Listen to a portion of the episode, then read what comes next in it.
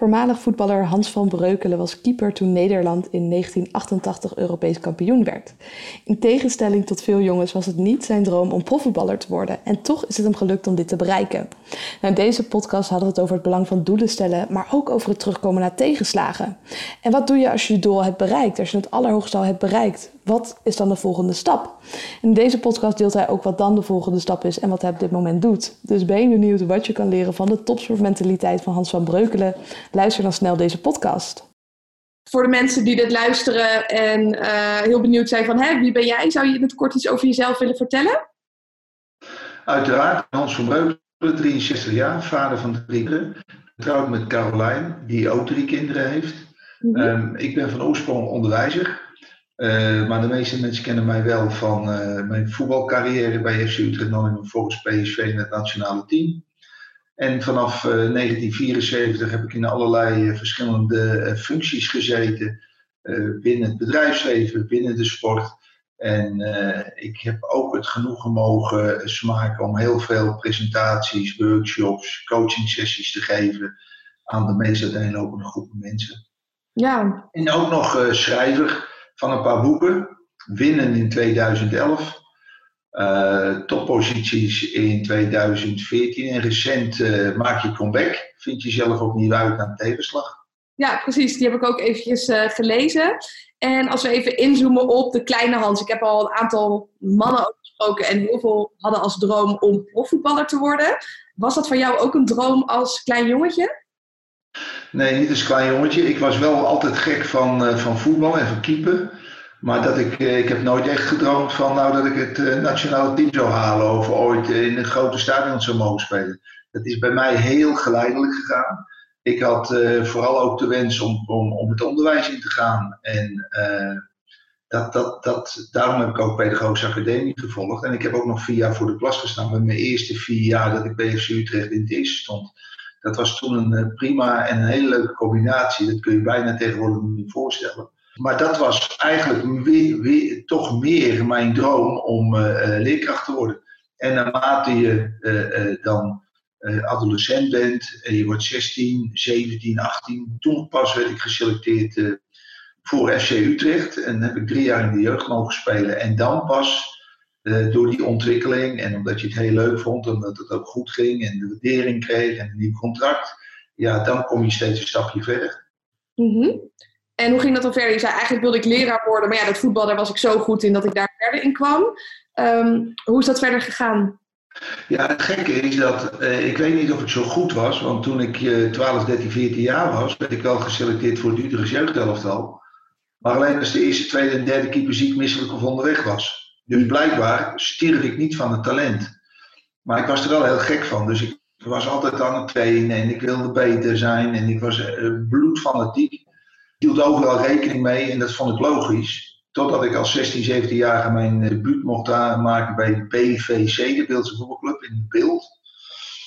En uh, ja, dat, eerste seizoen, dat ging zo goed. En toen ben ik gescout door Utrecht. En uh, in die, diezelfde fase dat ik uh, bij Utrecht in de jeugd speelde, toen hadden ze nog een jeugdteam van, uh, van 16 tot en met 21. Mm-hmm. Toen heb ik ook de Pedagogische Academie gedaan. Met altijd het idee, er kan, voetbal is iets onzekers. Eén rotschop en het kan gebeurd zijn. Dus van huis uit werd mij ook geadviseerd, maak je studie af. En dat heb ik ook gedaan. En toen kreeg ik de kans op 21-jarige leeftijd keeper van Utrecht te worden van het eerste elftal. En toen heb ik ook nog 15 uur les gegeven op een lage tuinbouw onderwijscentrum, ook in Utrecht. En dat was prima te combineren met mijn zes trainingen in de week. Ja, en je zegt, hè, ik, ik weet niet of ik nou de allerbeste was. Uh, eerst was ik de reserve. Wat, wat maakt dan, denk je, dat je toch anders bent dan de anderen? nou, ik denk dat een van mijn kwaliteiten uh, wellicht is mijn ongelooflijke doorzettingsvermogen. Mm-hmm. En uh, een, een wil om mezelf te ontwikkelen. Iedere keer beter te worden. En, uh, en, en, en, die twee combinaties, die, die, deze twee eigenschappen hebben mij uiteindelijk daar gebracht waar ik uh, ben gekomen, denk ik. Ja, want op een gegeven moment hè, speel je bij het eerste. Hoe is het vanaf daar verder gegaan? Toen werd ik al uh, vrij snel geselecteerd voor, voor Oranje, maar dan voor Oranje B. En later als dispensatiespeler voor Jong Oranje. Want nogmaals, van mijn 18e tot mijn 21e werd ik nooit geselecteerd voor Jong Oranje. Ik was niet goed genoeg. En pas toen ik bij Utrecht in het eerste stond, kreeg ik de gelegenheid. Dat was in 78. En in 80 mocht ik voor het eerst mijn debuut maken in het nationale team. Twee, vier jaar in het eerste bij Utrecht gespeeld. waren fantastische jaren. We zijn nog eens een keer derde geëindigd. Drie uh, jaar van de vier jaar hebben we Europees voetbal gehaald. Dus het was geweldig. Uh, mooie, mooie teams, mooie spelers als Wim van Hanegem, Leo Verveen, uh, Joop Wilbred, dat was een beetje de oude ras, maar ook Gerard van der Lem en, en een heleboel Utrechtse jongens, notabene jongens die bij mij vroeg in de straat wonen, zoals Wim Vlijt of in het dorp, Koos van Tabelen. Dat was wel heel leuk, dat was echt zo'n echt Utrechtse kliek. Ja. Nou, en toen, uh, na vier jaar, kreeg ik de gelegenheid om Pieter Schilter bij Nottingham Fox te gaan opvolgen. Uh, die waren toen in 79 en 80 waren zij uh, Europees kampioen geworden met hun team. Dat jaar erop viel tegen en toen ging Pieter Shilton, de grootheid uh, in Engeland en de, ook de nationale keeper, die vertrok. En toen waren ze op zoek naar een opvolger. En toen zijn ze bij mij terechtgekomen. Heb toen twee, twee geweldige jaren gehad.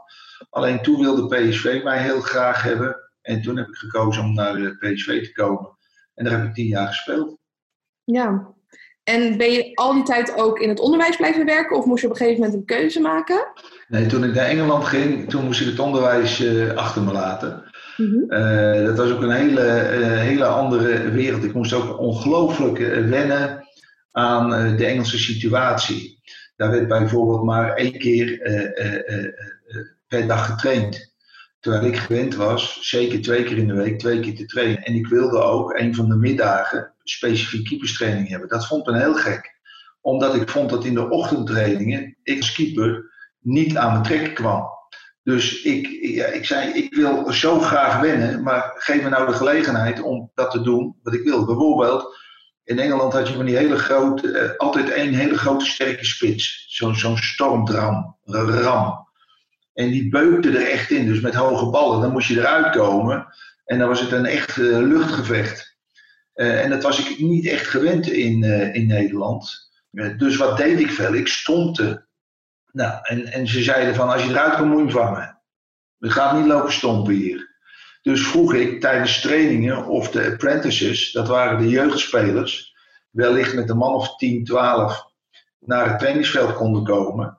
Voorzetten gingen geven met een heleboel mensen voor, me, voor mijn neus. En dan moest ik kiezen om er wel of niet uit te komen. Met verdedigers en met aanvallers. En zo trachtte ik ook daar te wennen, te wennen aan de Engelse uh, speelstijl. Daarbij kwam ook dat ze een hele andere manier van leven hadden. Ze gingen op zaterdag en op woensdag als ze wedstrijden, dan gingen ze daarna ook met de hele ploeg op stap. En, en, en wat mij dan verbaasde, was dat er ongelooflijk veel gedronken werd. Dat was voor mij niet. Alleen de volgende ochtend liepen ze voorop om het uit te zweten. En, en, want uh, ze riepen uh, s'avonds een kerel, s ochtends een kerel. Nou, dat was voor mij uh, ook wel wennen. Vooral dat samen op stap gaan en dat innemen. Wat ik niet deed, want zo slim was ik wel, dat, dat was ik niet gewend. En ik vind als je sportman bent, moet je dat gewoonweg niet doen. Dat vonden ze wel vreemd. Maar goed, als je genoeg ballen tegenhoudt, accepteren ze dat snel genoeg. Precies. En ja, ook, ook Weet je, in, in Nederland was, was de, waren de eisen voor een keeper, die lagen heel hoog. Je moest meevoetballen, je moest snel spelervattingen, je moest allerlei eh, eh, zaken erbij doen. Terwijl de basistaak van een keeper is ballen tegenhouden. Ja. En, en daar werd ik eigenlijk weer echt mee geconfronteerd in Engeland. Dat ze zeiden, de makkelijkste bal, dat is de snelste bal naar het doel. Vanaf die kant moet je altijd afschermen. Met andere woorden, schuin van de kool als je bij de eerste paal geklopt werd, was het per definitie keepersfout. Ja.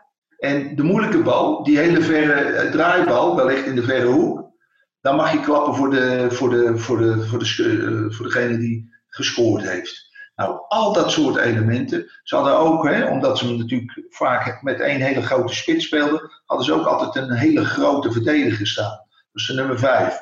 En die moest altijd voor jou wegkoppen.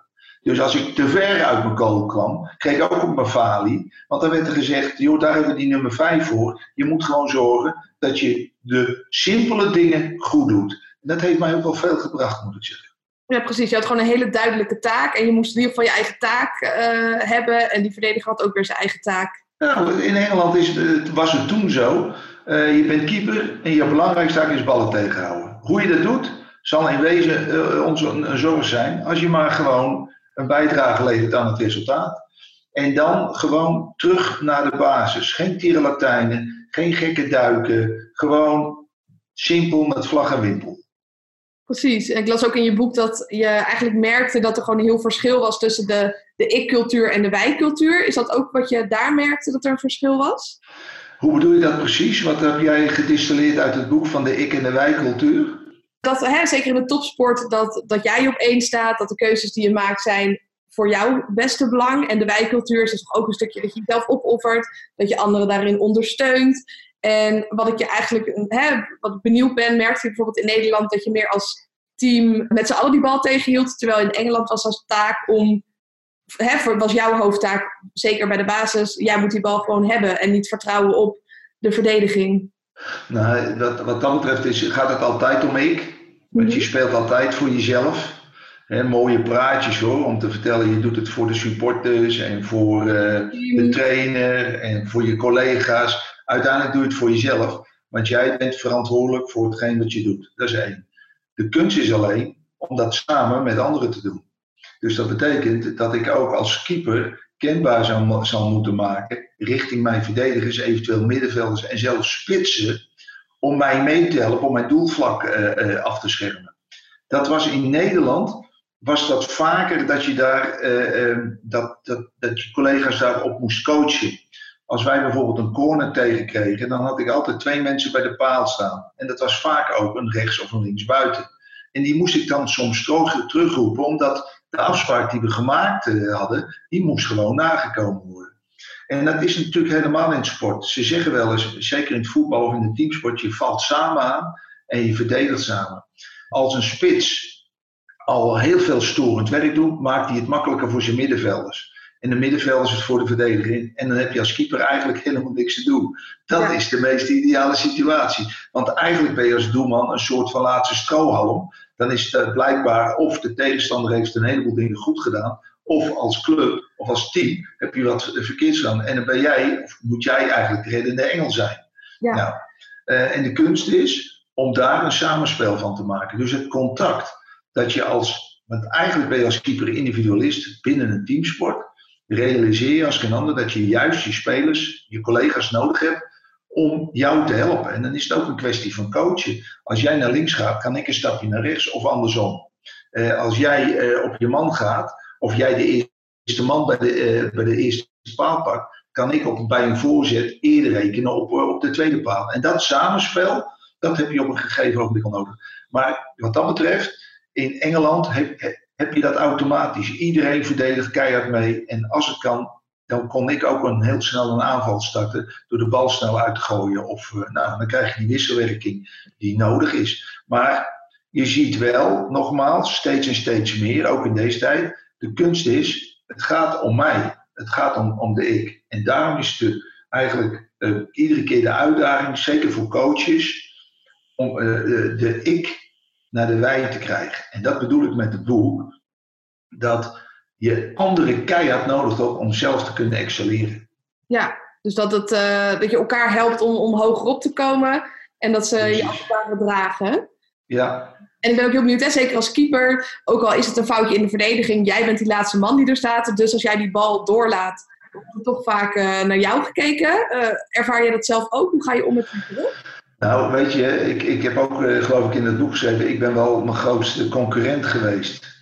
Mm -hmm. Omdat ik voor mezelf iedere bal die ik doorliet een soort van halszaak maakte. Uh, je bent, en dat heeft te maken doordat vaak keepers perfectionisten zijn. Die ja. willen echt alles goed doen, want ieder foutje kan fataal zijn. En daarom ben, daarom ben je ongelooflijk perfectionistisch ingesteld. Hè? Ten aanzien van je voorbereiding, ten aanzien van uh, je materialen, ten aanzien van uh, het visualiseren van wedstrijdsituaties, je, je, je, eten, je rust. Alles moet optimaal gedaan zijn. En dan begin je een seizoen met het idee: ik wil geen bal doorlaten. Dat is natuurlijk een utopie. Dat bestaat niet. En de kunst van keepers is, als je dan eens een bal doorlaat die je eigenlijk had moeten hebben, En dat kan zijn dat je voor jezelf die lat eh, vrij hoog legt, omdat je vindt dat je die bal had moeten hebben door allerlei verschillende situaties. Of dat je een enorme blunder maakt. Dat kan natuurlijk ook. Juist bij die ballen die bijna onhoudbaar zijn of onhoudbaar zijn, is het de kunst om daarmee om te gaan. Dat je zegt: oké, het is gebeurd. Je kan het uh, verleden kun je niet meer omkeren. Wat is de les die je er voor jezelf uithaalt om de volgende keer zo'n situatie te voorkomen? Met andere woorden weer, je verder te ontwikkelen. En dat kan ook naar aanleiding van een fout die je dan maakt, dat je daar weer één of twee of drie trainingen op baseert samen met het zij je keeperstraining, het zij met uh, de trainer en het team. Mm -hmm. En in de wedstrijd zelf, je zegt inderdaad van hè, na de wedstrijd kan je erop gaan trainen. Maar ik kan me voorstellen, als je de eerste helft al bijvoorbeeld of een stomme fout maakt of een tegenbal krijgt, wat je dan vaak ziet in het voetbal, is dat de mindset toch een klein beetje omlaag gaat. Uh, hoe ging jij daar zelf mee om? Ja, dat heb ik ook moeten leren door de jaren heen. Want dan, uh, zeker als uh, jong ventje, dan stond je te balen en dan pakte je daarna geen strandbal meer. En dan werd het alleen maar van kwade tot erger. En toen uh, heb ik ooit eens een keer een boekje gelezen. Dat was volgens mij van Edith Pieter Schaafland. Dat ik ooit als jongetje van 12 jaar kreeg. Dat boekje heette Onder de Lat. En die vertelde van ja, weet je, de laatste bal, daar kun je niks meer aan doen. Het gaat om de volgende bal. Dus start in één keer dit voor jezelf even weg te denken. En je te concentreren op de focus op de volgende bal. Die fout kun je niet meer herstellen. Maar de volgende bal, die kun je wel weer goed pakken. En dat, eh, dat heb ik door de jaren heen wel moeten leren. Dus ook al maak je fout, dan denk je, oké, het is gebeurd. Dan baal je even flink, maar dan gaat het om de volgende bal. Precies, en de levensles denk ik die weer uit kunnen trekken is, hè, als je in de heat of the moment bent, heeft het geen zin om terug te gaan kijken en te reflecteren en te balen. Kijk even vooruit en op een rustiger moment kan je altijd weer kijken hè, welke lessen ja, uit ja, ja, het is, ik, ik geloof, uh, je, een, uh, enerzijds een, een zelfevaluatie is, is enorm, uh, enorm belangrijk om daar de punten eruit te halen om jezelf te ontwikkelen. Niet om jezelf naar beneden te halen, laat dat ook even duidelijk zijn. noem het introspectie, dat is nog een veel mooier woord dat je even boven jezelf uitstijgt en dan kijkt van uh, hoe is dat nou gegaan, hoe is dat gekomen, wat had ik anders kunnen en moeten doen en wat doe ik de volgende keer beter. Nou, en dat, dat zijn de vragen die je dan op dat moment het best kunt stellen. Mm-hmm. Maar het mooiste is, juist uh, door de ik, hè, waar we het toen straks over hebben, om van die ik naar de wij te komen, ik geloof steeds en steeds meer in zelfregulatie.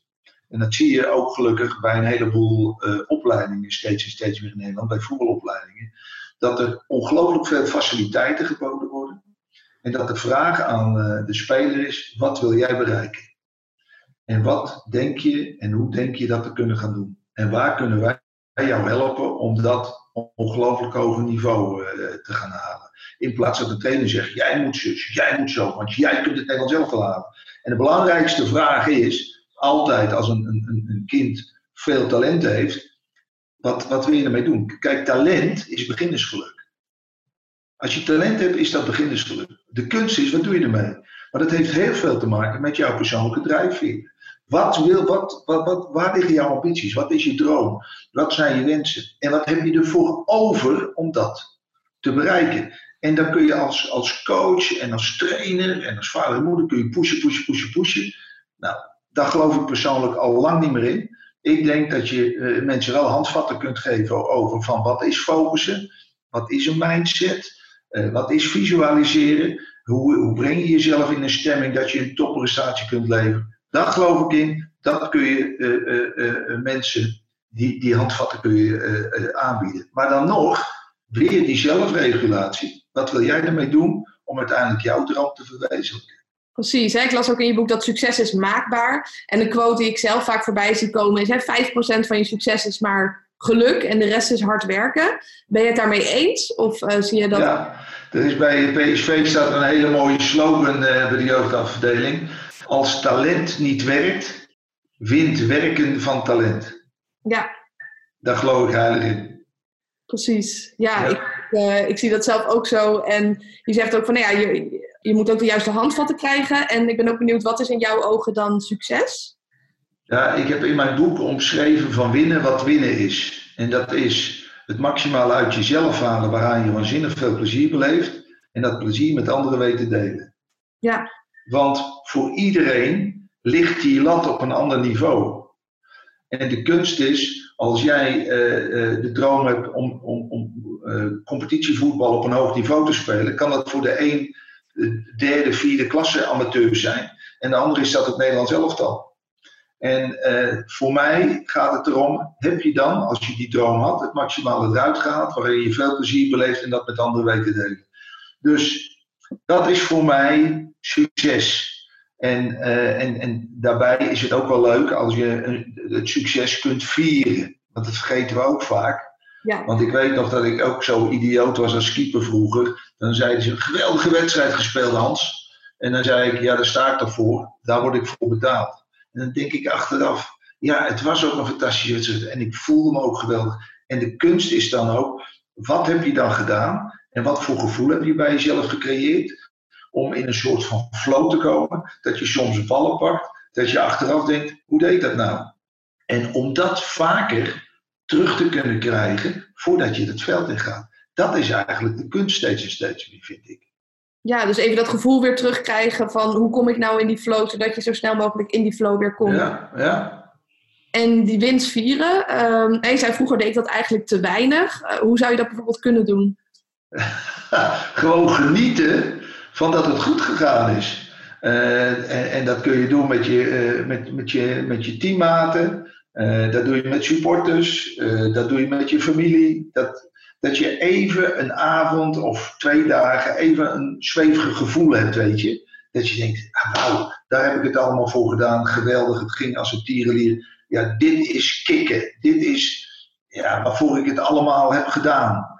En, en dan de volgende keer denken, oké, en nu weer de volgende wedstrijd. Want je, kunt, je bent net zo goed als je laatste wedstrijd. Dus ook dat, eh, en dat heb ik zelf ook wel eens ervaren, dan heb je zo'n fase, dan gaat het goed. En dan verslap je een beetje. Mm Dat is heel menselijk, denk ik wel eens. Maar het is juist de kunst om niet te verslappen. Want juist als je goed bent, willen ze helemaal je graag pootje haken. Dat is menselijk. Dat is logisch. Als je nummer 1 bent, dan zitten mensen er tegenaan te, te klappen om te zorgen dat je eventueel 2 wordt. En ik heb ooit eens een geweldige uitspraak gehoord van uh, Bill Basic. Dat was een, eh, een, een, sportpsycholoog die heel actief geweest is in Engeland en die ook met uh, onder andere Alex Ferguson heeft samengewerkt. En toen hij de eerste keer binnenkwam bij Ferguson, was de vraag aan die Bill Basic: hoe blijven wij de beste van Engeland? Mm En toen zei hij heel simpel: door te werken, te trainen, te denken, te voelen dat je nummer twee bent. Ja. Dan hou je een soort van verlangen, van eagerness om iedere keer weer je plafond aan te tikken. En dat is volgens mij de kunst om dat bij jezelf op een of andere manier te blijven doen. Daarvoor heb je wel een urgentie nodig. Je moet voor jezelf een soort van urgentie creëren waarom jij die offers wilt brengen. Waarom jij die keuzes maakt. Waarom jij een heleboel dingen doet zoals je ze doet. Uh, als er geen urgentie is, ja, dan uh, wordt het uh, ook prima. Maar dan ben je heel snel tevreden met hetgeen wat je wel. Ook, ook, ook, uitstekend, hè? Want laten we ook eerlijk zijn, dat mensen die, die, die, die, die ongelooflijk gedreven zijn, dat dat soms ook wel eens te kosten kan gaan van een directe omgeving.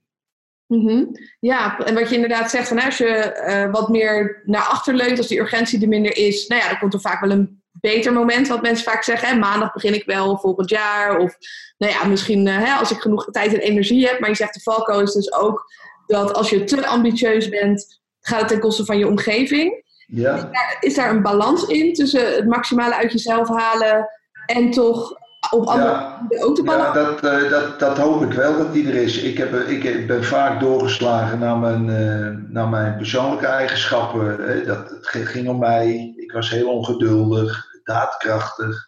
Uh, ik had zoiets van, uh, het, het, moet nu gebeuren. En ik had een vrij enge blik van, uh, dat is het doel, daar ga ik op af. En alle zaken moeten daaraan ondergeschikt En je bent tegelijkertijd ook een sociaal wezen. Want je hebt je vrouw, je kinderen, je hebt je collega's. je staat midden in het leven, dus dan praat, praat je meer over wij. Dan praat je meer over een verbinding. Dan praat je meer over geduldig zijn, et cetera. En de kunst is om, om, om daar de goede combinatie tussen te vinden. Alleen op het veld, dan gaat het wel om mij. Dan gaat het om jou of mij. En dan was ik wel zo, dan wilde ik wel van ja, daar heb ik het allemaal uh, uh, niet voor gedaan om jou uh, alle neer een glorie te, te geven. Nee, dan wilde ik zelf die winst pakken. En, en, daar ging ik ook wel eens bij over de scheef. Maar als je dan buiten dat kleedlokaal komt en je ontmoet je vrouwen, je kinderen en je vrienden. Ja, dan is het wel raar als je diezelfde attitude laat zien. Dus ik geloof heilig in dat die combinatie er wel is. Het is gewoon weer die focus die je moet hebben op het moment dat je dat veld op gaat. Dan moet het gebeuren. En dan ben je op jezelf aangewezen. Dan, ben je, dan moet je creatief zijn. Dan moet je een absolute willen hebben om te winnen. Dan kijk je wat de mogelijkheden zijn. En, en dan, ga je, dan zoek je ook een beetje de grens op. Dat kan zijn naar eh, scheidsrechters toe. Dat kan zijn naar eh, grensrechters toe. Althans, zo heb ik het ervaren. En soms pakte dat goed uit en soms pakte dat minder uit. En that's all in the game. En waarom is het dan belangrijk om die grenzen op te zoeken? Wat gaf dat eh, voor meerwaarde voor jou? Nou, bij mij, uh, dat was heel gek. Mijn, mijn, mijn overleden vrouw heeft ooit eens gezegd: op het moment dat ik jou voor een wedstrijd de warming-up zag maken, dan zag ik aan jouw kaaklijn al uh, of het goed zat, ja of nee. Dan had ik een soort verbeterde uitdrukking van joh, je moet bij mij niet in de buurt komen, want ik bij de wijze van spreken je, je strot af. Mhm. En dat was heel gek. Daar speelde ik ook vaak mijn beste wedstrijden. Was ik, alles wat, wat er om me heen gebeurde, dat was, ja, dat was bijna. Het was heel gek, hè? Maar dan, dan paste je, was je een geheel van het stadion. Dan kon je mensen soms zien zitten op tribunes. Dan hoorde je wat ze zeiden. Terwijl je zo gefocust was in, die wedstrijd. En, maar je hoorde ook alles om je heen. En je voelde ook alles om je heen. En, en, en ja, dan deed je eigenlijk dingen uh, bijna uh, ja, zonder na te denken. Nee, dat, noemen we dan onbewust bekwaam, zullen we het maar zo noemen. Ja. en en dat, is, ja, dat is eigenlijk, dan zit je eigenlijk bijna in een flow. Ja, en ik denk dat, dat is mooi. Een status is waar heel veel mensen naartoe willen. En aan de andere kant weet ik ook dat veel mensen struggelen met afleiding, gebrek aan focus, toegeven aan verleiding. Dus hoe ja. je nou in zo'n moment, in, in die flow? Ja, kijk, weet je, het begint al door in ieder geval geen beperkende gedachten te hebben. Ik weet nog dat ik, toen ik minder goed in mijn vel zat, dan visualiseerde ik een wedstrijd die ik zou moeten gaan spelen. Zag ik situaties uh, en dan dacht ik, oh jee, als ik die fout maar niet maak, die fout maar niet maak, die fout maar niet maak. En dan ging ik al met een bepaalde twijfel het veld in. En toen heeft iemand mij ooit uh, bewust gemaakt van het feit, die tijd die je daaraan besteedt, kun je net zo makkelijk besteden om diezelfde wedstrijd te spelen en jezelf de ene na de andere prachtige redding te zien maken. Dan krijg je een hele andere mindset, een ander, want je gedachten bepalen op dat moment je gevoel. En dan ga je met veel meer zelfvertrouwen het veld in. Hoe vaak jij en ik dat we het gewoon noemen, maar ook zelf nog ervaren dat je soms van die beperkende uh, gedachten hebt, voor jezelf blokka blokkades opricht, waardoor je denkt van nou het zal wel niet lukken of uh, ieder mens heeft zoveel onvermoede mogelijkheden en ik vind het wel altijd een uitdaging om, om die mensen zelf weer te laten ontdekken. Omdat ik geloof dat, wij werken tegenwoordig samen met Bas Kodde, en Bas Kolle heeft een boek geschreven dat, uh, dat gaat over uh, word een held. Mm Al is het maar voor één dag. En held staat voor hoog, energiekrijke, leidingnemende doeners. En dat zijn mensen die op een bepaalde manier in het leven staan. Die heel bevlogen zijn, vitaal zijn, toewijding hebben en alles wat ze meemaken waar opzuigen. En ik geloof dat ieder mens in zijn leven wel eens dat helder gevoel gehad heeft. En, en dan zie je soms van dat helder gevoel dat ze weggegleden zijn naar een twijfelaar. Of, en dan vind ik het zo mooi om zo'n twijfelaar, zo iemand die de, in de penerie zit, weer terug te brengen naar dat gevoel wat hij ooit had. Dat hij dacht van, ik kan de hele wereld aan. En dat is allemaal, allemaal mindset. En het gekke is, Isabelle, dat we pas bereid zijn echt een, een, in beweging te komen op het moment dat je iets ernstigs overkomt je ziet het bij mensen met een burn-out. Je ziet het bij iemand die het contract dreigt te, eh, te, eh, te verliezen. Die een ernstige ziekte in zijn, uh, iemand in één keer overlijdt. Dan denkt men in één keer, oh jee, nu gaan we in beweging komen. En, en Ruud van Nistelrooy heeft ooit eens gezegd, je hoeft niet ziek te zijn om beter te worden. Als je goed in je vel zit, waarom zou je dan niet kijken hoe je uh, dat, dat kan blijven, één, en misschien nog wel nog beter in je vel gezet. Dat je, want uiteindelijk gaat het om levensgeluk. En ik vind het mooi ook met dat boek dat we geschreven hebben, een bijdrage te leveren aan meer levensgeluk bij mensen. Maar ja, moet luisteren, zij moeten willen. Zij moeten een urgentie voelen. Zij moeten zoiets hebben, nou, daar sta ik voor open. Dan van harte welkom. En anders ja, moet je gewoon lekker door blijven gaan in de situatie waarin je zit. Altijd goed. Altijd goed. Je moet van mij niks, maar je mag van alles. Precies, en je zegt eigenlijk van ik wil alleen maar werken met mensen die die urgentie al voelen. Nou ja, ik als psycholoog weet dat mensen zijn gemotiveerd door twee dingen. Hè? Door of pijn vermijden of door iets te winnen. En dat we nu eenmaal iets gemotiveerder zijn om pijn te vermijden dan om iets te winnen. Dus hoe zou je die urgentie bij jezelf bijvoorbeeld kunnen vergroten op het moment dat je merkt, nou ja, ik, ik heb een 6. Pas als ik een 4 heb, dan kom ik eigenlijk in actie. Maar ik zou heel graag naar die 8, 9 of die 10 willen. Ja, ja weet je, dat, dat is de vraag te stellen. Misschien wel, waar heeft het leven jou voor uitgevonden? Ja. En waar sta je dan nu? En waar zou je naartoe willen? En wat heb je ervoor over om dat eventueel te gaan doen? Ik, jij, jij weet als psycholoog ook dat een boel mensen eh, toch in een soort van oncomfortabele positie zitten. En dat ze niet de lef hebben om iets te kiezen voor het onbekende. Ja. Omdat ze dan uh, zich bijna wentelen in dat oncomfortabele, omdat ze dat wel oké vinden en de omgeving houdt daar wel rekening mee. Ja, dat kan. dat kan. Dat is een keuze. Dat is in feite wat je zegt, het vermijden van bepaalde pijn. Uh, aan de andere kant heb ik geleerd door de jaren heen, pijn is fijn en jeuk is leuk. En, en de kunst is bij jezelf, in hoeverre kun je nou of uh, pijn lijden om stappen te maken, of ja, jezelf uh, jeuk te krijgen waarvoor je zegt van, ik wil die stappen wel, wel maken. En het kan heel simpel zijn. Vaker bijvoorbeeld iets met je kinderen of met je kleinkinderen kunnen doen. Minder snel moe zijn qua gewicht, maar vooral ook qua mindset. Ik, wat ik altijd zo grappig vind, dat er binnen bedrijven allerlei vitaliteitsprogramma's nou ja, gepresenteerd worden. En dan mag alles en iedereen aan meenemen, deelnemen. En degene die het liefst aan deelneemt, dat zijn al gasten vaak met een, met een, een abonnement van de sportschool. Ja, ja want die, die zijn al fit. Dat doet niet zo heel veel pijn om geconfronteerd te worden. Ja, maar het, het, punt is, de belangrijkste vraag is... waarom zou jij nou in beweging komen om jouw levensgeluk te, uh, te, levensgeluk te vergroten? En het staat ook in het boek. Ik heb ooit een aftrap mogen geven bij een vitaliteitsprogramma bij het openbaar vervoer. En toen was een van mijn vragen, is er al een chauffeur... want het ging met name voor chauffeurs die al in beweging gekomen is. Nou, en ik had geluk, dat was Marco. En Marco woog 165 kilo. En die had een functioneringsgesprek. En toen zei ze leidinggevende, Marco, ik maak me zorgen over jou. Zegt hij, waarom?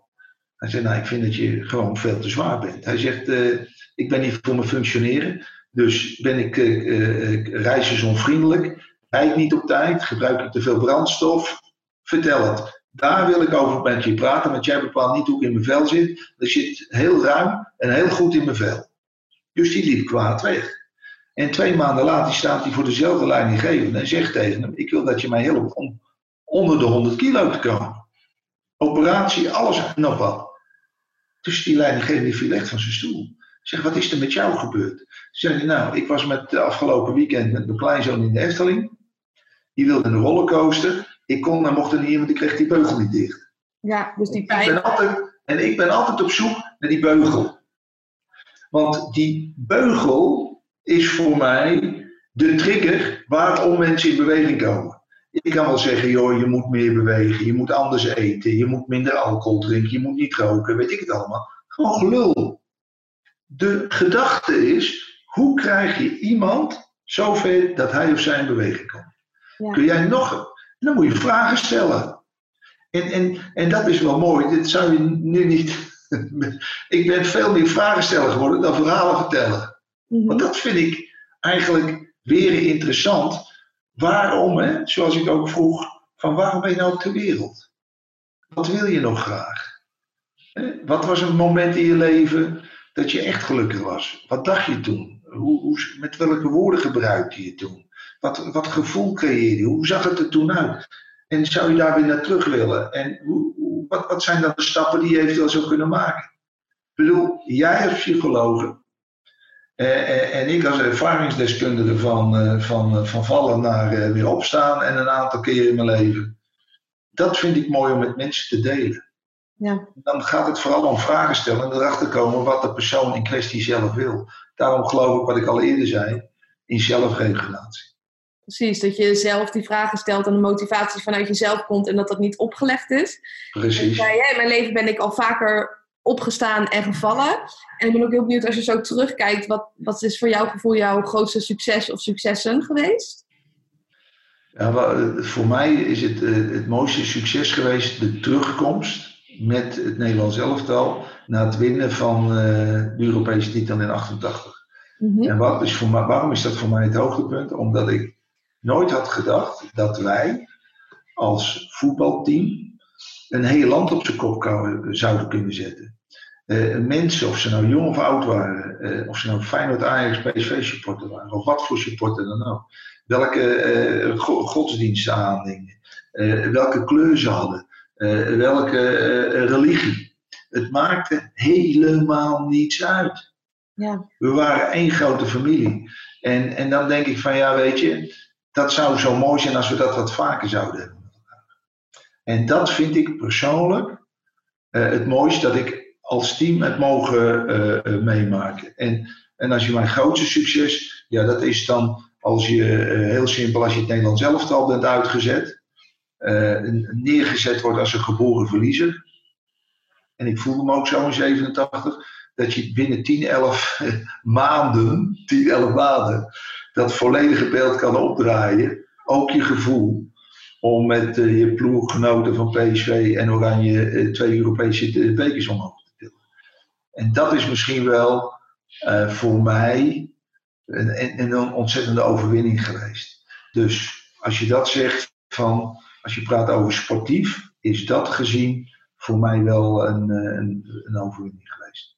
Ja, en wat je ook een beetje zegt, net als dan uh, die uitspraak hè, van uh, die Engelse sportpsycholoog, dat als je voor je gevoel tweede bent, nou ja, voor jouw gevoel was het een tegenslag, dat je dan ook veel gemotiveerder bent om succes te halen en dat het succes misschien ook wel des te fijner voelt als het dan gelukt is. Nou, er was natuurlijk ook een urgentie bij mij, Isabelle. Namelijk, uh, ik was in Nederland zelf al uitgezet en ik was op vakantie en dan is het vrij simpel. Dan kun je twee dingen doen. Dan kun je vluchten of vechten. En mhm. vluchten was misschien weer terug naar Engeland.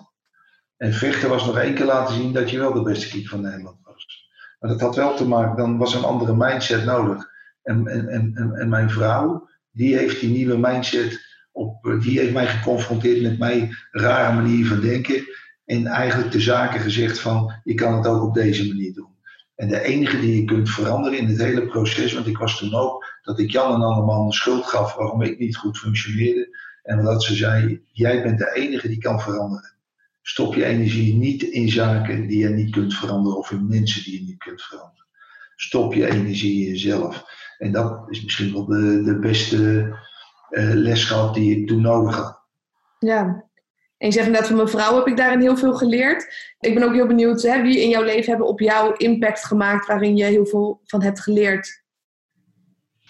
Ja, dus dat, dan vraag je eigenlijk wat is jouw grootste coach in je leven geweest? Ja, of meerdere. Uh, ja, onder andere. En nou, dat, dat, die, allereerst mijn, mijn overleden vrouw. Mm Twee, een, eh, een oude uh, amateurtrainer van, uh, van BVC, die op momenten dat ik eigenlijk het bijltje erbij neer wilde gooien bij FC Utrecht, die mij ook eigenlijk weer even een andere mindset niet wist aan te praten, maar door de juiste vragen te stellen, dat bij mij creëerde. Dat zijn voor mij wel bepaalde mensen geweest waarvan je zegt coach. En wat ik zo mooi vind aan een coach, dat is dat ze nooit zeggen wat je moet doen maar de juiste vragen weten stellen, waardoor je zelf aan het denken bent. En dat, dat ze eigenlijk zeggen: Oké, je denkt daar heb je ook aan die en die en die opties gedacht. Dat vind ik mooi. Dus de keuze bij een ander, maar ook het vertrouwen aan je durven te geven. de, er voor je te zijn. dat, dat vind ik elementen van, van, een, van een coach. Mm Ja, dus dat ze je horizon verbreden, je het vertrouwen geven. Maar ook gewoon er voor je zijn op het moment dat het ertoe doet. Ja. En ik ben ook heel benieuwd, hè? Eén, één ding wat ik ook las in je boek is: willen is kiezen voor de consequenties. Nou, ja, zeker als topsporter, maar ook uh, in verdere fase van je leven zijn er altijd dingen die je moet opgeven om succes te krijgen. Welke dingen zijn dat voor jou geweest? Nou ja, weet je, ehm, het, meest recent natuurlijk, dat was dat ik uh, gevraagd werd om directeur of technisch directeur te worden van KNVB. Mhm. en, en, daarin kun je misschien ook gelijk uh, als antwoord op jouw vraag de twee levenslijnen benoemen die ieder mens heeft. Uh, je bent ergens goed in, dat zijn competenties. En ik werd gevraagd om technisch directeur te worden, omdat ik blijkbaar de competenties had volgens de mensen die mij hebben geselecteerd. Maar je hebt ook nog een levenslijn waarin je goed wil worden. Daar zitten je dromen, je ambities, je, je wensen, noem het maar op. En de kunst is dat die twee lijnen eh, eigenlijk vrij dicht bij elkaar blijft, blijven. Nou, en, en die zijn bij mij behoorlijk uit elkaar gegaan. Ja. Waarin uh, je dan in de spagaat komt te zitten, waar, waar, waar je op dat moment eigenlijk wegdrijft van je oorspronkelijkheid.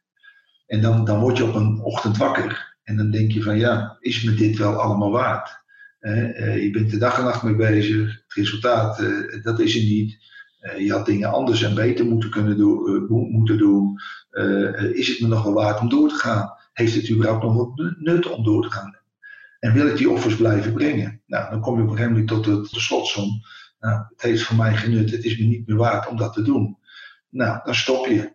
Het vervolgen is dat ik toen voor het eerst in een zwart gat gesodemieterd ben in mijn leven. Terwijl ik, ik was veel aan het golven, ik was leuke reisjes aan het maken, noem maar op. En ik voelde me diep ongelukkig.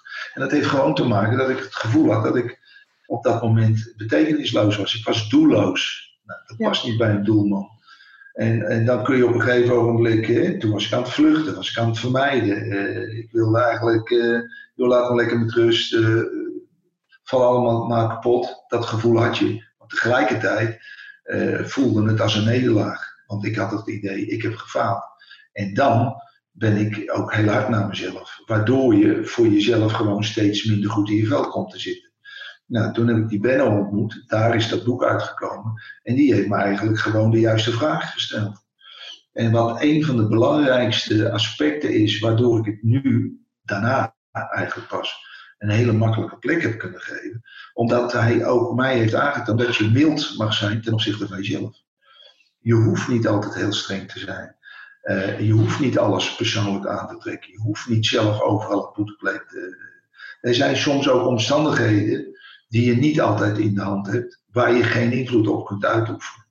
En met name die mildheid heeft mij wel weer teruggebracht naar, terug naar mijn oorspronkelijkheid. Dat ik graag, net als die oude onderwijzer, graag betekenis wil, voor, wil zijn voor mezelf en voor anderen. Ja. En daarom ook weer uh, zo'n boek. Dat ik geschreven heb voor mensen, noem ik dan uh, de nadenkers van deze wereld. Eh, die bezig zijn met het persoonlijk welzijn, het welzijn van hun familie, van hun omgeving tot aan de wereld aan toe. Die ook vragen hebben, twijfels hebben, maar die zich ook kwetsbaar durven op te stellen. En ik vind kwetsbaar durven opstellen een kracht. Terwijl dat vaak wordt uitgelegd als een zwakte. Ja, nou, en, dat wordt, en dat wordt gedaan door de beoordelaars. En dat is de andere groep van de mensen. Die dragen weinig verantwoordelijkheid, nemen alles en iedereen de maat, weten het altijd beter. Maar voor de rest je er eigenlijk niks aan. Nou, met dat boek hebben wij ons natuurlijk gericht op die nadenkers. En die beoordelaars die zullen altijd wel, uh, wel blijven. Nou oké, dat hoort erbij. Dat geeft ook soms een heel leuk spanningsveld. Maar ze kunnen mij daarin niet meer uh, uh, raken in die zin dat ik weet dat ze ook hun rol hebben om dat te doen. En daar zijn, kunnen ze ook heel succesvol in zijn. Dus voor mij, dat boek, ja, voor mensen die, eh, die er wat van willen maken. En soms, wanneer ze een keer op de bek gegaan zijn, wellicht denken van, hoe kom ik weer terug? Nou, daar hebben die acht stappen voor bedacht. Precies, en je zegt van ja, je, hebt een stukje mildheid naar jezelf toe en kwetsbaarheid. Hoe staan die met elkaar in verband? Moet je kwetsbaar kunnen zijn om mild naar jezelf te zijn of andersom? Uh, je moet vooral allereerst je kwetsbaar kunnen opstellen, want dan stel je open over op. En ik zeg altijd wel, uh, probeer dat wel bij mensen te doen waar een echt vertrouwen is. Want anders zijn andere mensen die het enorm kunnen misbruiken. Ja. Maar, dus dat, is, dat, dat moet je wel aanvoelen. En, en vanuit die kwetsbaarheid ja, kun je ook wel een mildheid gaan ervaren naar jezelf toe. Want zoals je, en daar heb je weer die negatieve beelden, en je beperkende gedachten en die prachtige beelden om jezelf als een held of weet ik wat te zien. Dat is hetzelfde als jezelf enorm uh, uh, de maat nemen, streng tegen je zijn. Zo kun je ook best lief en wat milder naar jezelf toe zijn. Dat zijn eigenlijk zaken die je op hetzelfde moment in plaats van die beperkende gedachten neer kunt zetten. Dat, maakt, het, dat maakt dat brein zo interessant. En daarmee ook direct een ander gevoel uh, naar jezelf toe. Mm Maar dat hoef ik jou als psycholoog door die uit te leggen, hoop ik. Nee, nee, maar ik ben altijd benieuwd wat de visie natuurlijk ook van anderen is. Ik heb zelf, uh, ik weet niet of je toevallig Bennett Brown kent. Die heeft heel veel geschreven over kwetsbaarheid. Ja. Wat ook heel mooi schrijft is dat het ook gaat van hè, wie staan er met jou in die arena. De mensen die kijken zullen altijd wel commentaar hebben. Nou, dat heb ja. ik van het voetbal. Maar kijk nou eens naar die mensen die met jou op, op het veld staan, die met jou in die arena staan, die met jou willen vechten, die mogen in jouw team om kwetsbaar te zijn. De rest, nou ja, die hebben vooral een mening. Dat is inderdaad, hè, dat is weer die cirkel van invloed uit, uiteindelijk als je het heel uh, bekijkt. Precies. En je zei net over je boek, hè? je hebt die verschillende acht fases. Zou je over elke fase uh, even kort iets willen vertellen? Nou ja, één, uh, op je bek gaan, dus echt ja. vallen. Uh, dus uh, nou, dan, uh, dan ben je, heb je, is je kwijt, dan heb je allerlei twijfels, dan ben je boos, kwaad, allerlei emoties komen naar voren. Nou, dat heeft een bepaalde tijd nodig om dat op plek te geven, is mijn ervaring. en dan moet je vanuit die oncomfortabele situatie waarin je zit, moet je een urgentie voelen dat je denkt van ja, maar dat wil ik niet meer. Ik wil terug naar plezier, naar wat meer levensgeluk. die urgentie moet je hebben. Anders dan, eh, dat is ook, ook eigenlijk een van de belangrijkste fases in die acht stappen. Dan hoop je van, van op je bek gaan, dan krijg je inzicht, dat is de derde stap. Van wat heb je er nou van geleerd? En, en hoe, wat kun je gebruiken om jezelf te ontwikkelen? Niet om je nog verder naar beneden te halen, maar juist te ontwikkelen.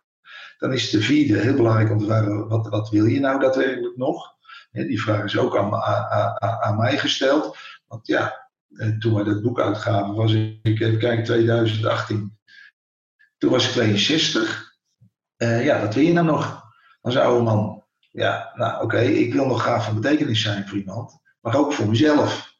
En het begint natuurlijk weer bij mezelf, laten we gewoon eerlijk zijn. Uh, nou, hoe kun je dat dan doen? Uh, dan kom je weer bij kunnen. Uh, wat, wat, voor mogelijkheden? Ja, ik heb jarenlang allerlei mooie verhalen mogen vertellen over succesvol zijn en succesvolle teams en de rol van de coach en persoonlijk leiderschap. Maar wat is dat nu? Wat, nou, dan moet ik me eigen maken wat een methode is die ik kan, uh, voor mezelf eigen kan maken om andere mensen daarin te, te ondersteunen, te helpen. nou, dan is het durven. Ik vind dat urgentie en durven, dat vind ik vaak de, de twee belangrijkste. Want op het moment dat die Benno tegen mij zei, de andere schrijver van het boek, zullen we er een boek van maken? Toen dacht ik, dat is lekker. Dan kom ik weer met mijn kop boven het maaiveld uit en dan wordt mijn kop er weer afgehaald. Maar tegelijkertijd dacht ik van ja, maar dat zijn beoordelaars, daar wil ik me eh, niet aan conformeren, daar wil ik eigenlijk helemaal niks mee te maken hebben. Die hebben hun eigen rol. Ik ben voor de anderen. En dat heeft mij aangezet om dat wel te doen. Dan moet je het jezelf gunnen. Dat is de zevende stap. Het van jezelf mogen. Maar ook jouw omgeving moet jou dat gunnen. Of jou die, die mogelijkheden eh, geven. Dus ik heb dat aan mijn huidige vrouw gevraagd. Die heb dat aan mijn kinderen gevraagd. Nou, die, die gunden mij. Maar ook een heleboel uh, relaties van mij. Want dat boek hebben we uitgegeven dat de opbrengst uh, te goede kwam aan Support Casper. Dus het onderzoek aan, naar alvleesklierkanker waar mijn eh, vrouw aan, overleden is. En de vader van, eh, van Benno. Nou, en, en als je dan ook nog een aanbieding doet van 100 boeken of meer en we komen gratis een presentatie geven. En vervolgens eh, sta je dan 85 dagen op managementboek.nl. En dat we nu al een enorm bedrag hebben kunnen en mogen overmaken aan Support Casper. Ja, dat geeft mij persoonlijk een enorme kick. Maar het gevolg is, en dat is de laatste stap, dat je weer regisseur bent voor je eigen leven. Dat je de dingen doet die weer het best bij je passen, waar je plezier van krijgt, waar je het gevoel hebt van ja, dit is wat ik graag wil. En ja, dat gun je iedereen uh, van harte toe. Precies. En je zegt van ja, een doel van mij was om het boek te schrijven en, en van betekenis te zijn. Als je nu kijkt naar de toekomst, welke doelen liggen er nog voor jou? Nou, we zijn weer met een ander boek bezig. Dus samen weer met Benno, maar ook met Bas Kodde. En dat is inderdaad van regisseur naar held. De held in jezelf. En dan naar het heldenteam. Nou, daar, dat, die, die combinatie zijn we nu aan het maken om een, boek eh, te schrijven. Ja, ik mag binnen een aantal organisaties actief zijn om mensen die uh, even het moeilijk met zichzelf hebben, om die weer terug te brengen naar, uh, naar hun kracht. Nou, dat zijn voor mij, en ik hoop nog een leuke echtgenoot en opa te zijn de komende jaren. Ja, dus ook hè, zakelijke doelen, maar ook persoonlijke doelen. Um. En ik ben ook heel benieuwd als ex-topsporter. Uh, ik merk dat er vaak twee kanten zijn. Hè? Sommigen laten het allemaal los en sommigen blijven toch wel uh, daarin ook goed voor zichzelf zorgen. Hoe zorg jij, hè, ook al ontbreekt daar nu een heel erg concreet doel in, dat je fysiek ook fit blijft? Nou, het heeft altijd te maken volgens mij met eten, dat is één, en bewegen. Dat zijn de twee belangrijkste. Nou, uh, op dit moment ben ik iedere dag, uh, bijna iedere dag, uh, zit ik minimaal anderhalf tot twee uur, soms tweeënhalf uur op een fiets. Dan ben ik gewoon lekker aan het trappen samen met mijn zwager, die hier een etage hoger woont. Ga je dan naar buiten of, of binnen op de hangtrein? Nee, we gaan echt naar buiten. Echt in de omgeving van Den Dolder, de, de Utrechtse Heuvelrug de polder in, uh, soms de bossen in. Het is geweldig om, uh, om uh, lekker even jezelf af te jakkeren. Nou ja, en dan, dan het eten en, en vooral ook lekker hier. vooral een bepaald ritme, vasthouden aan een bepaald ritme. Daar, daar voel ik me wel, wel prettig bij. En zo blijf ik toch redelijk op gewicht. Precies, en je zegt ook... Fit in de kop, fit in de kop. Ja, precies. En je zegt vooral die, die bovenkamer ook. Uh, hoe train jij actief je mindset? Is dat met visualisaties of schrijven? Of... Nou, dat is een combinatie van wat ik, uh, wat ik heel leuk vind. Dat zijn gesprekken met mensen. Daar heb ik altijd wel het meeste van ja, mijn, mijn kennis op gedaan. Dan is het af en toe eens een cursus, dan is het af en toe eens een boek lezen.